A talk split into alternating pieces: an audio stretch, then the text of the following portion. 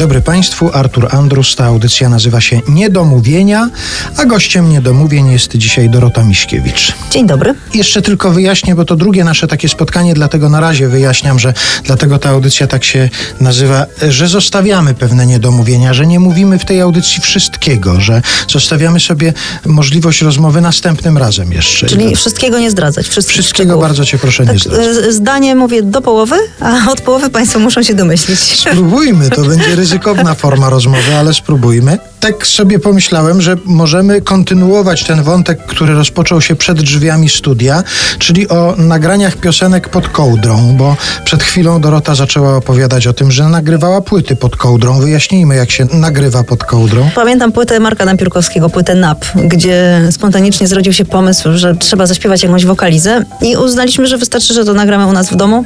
Potrzebny jest do tego na pewno komputer, na który się nagrywa. Taki miał przy sobie Robert Kubiszyn, który specjalnie przyszedł właśnie z komputerem. Mikrofon jakiś mieliśmy, ale mikrofon był bez statywu, więc ja ten mikrofon musiałam trzymać w ręce.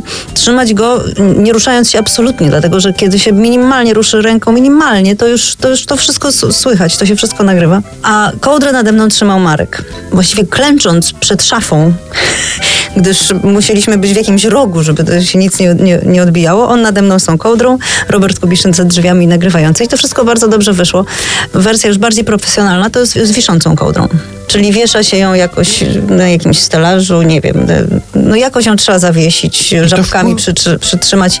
Wpływa na dźwięk po prostu i w ten sposób ten dźwięk można Kołdra trochę tłumi. O, wtedy mamy większą kontrolę nad dźwiękiem, bo kiedy dźwięk się odbija od ścian, to powstaje naturalne echo. Wtedy nad tym echem już kontroli nie ma. Chodzi o to, żeby dźwięk był jak najbardziej czysty, żeby to echo można było sobie dodać w postprodukcji. A jeszcze w jakichś innych takich niezwykłych sytuacjach, okolicznościach albo pozycjach nagrywałaś kiedyś jakieś piosenki, czy reszta twojego dorobku fonograficznego to już są normalne, klasyczne nagrania w studiu?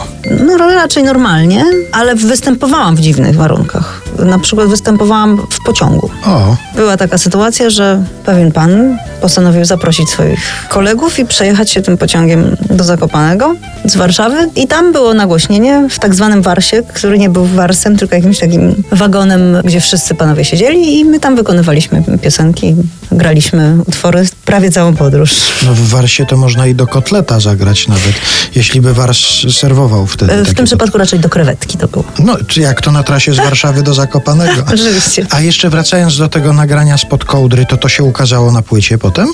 Tak, to jest na płycie NAP. Marek Napiórkowski NAP. To jest pierwsza płyta Marka. I to bardzo elegancko brzmi. Wersja z kołdrą wiszącą, taka, czyli bardziej profesjonalna kołdra, to jest piosenka, która się nazywa Zatrzymaj się. I pamiętam, że nagrywaliśmy ją w Ostrudzie z niejakim Pawłem Bzimem Zareckim, który generalnie chyba tą kołdrę ze sobą wszędzie woził, bo on w jakimkolwiek studio z nim nie byłam, on wszędzie miał kołdrę, która dookoła wisiała i nawet jak nie miał w co włożyć swojego instrumentu klawiszowego, też owijał go w kołdrę. I to nagranie już brzmi całkiem profesjonalnie. No To proszę posłuchać, jak brzmi Dorota Miśkiewicz z kołdrą wiszącą.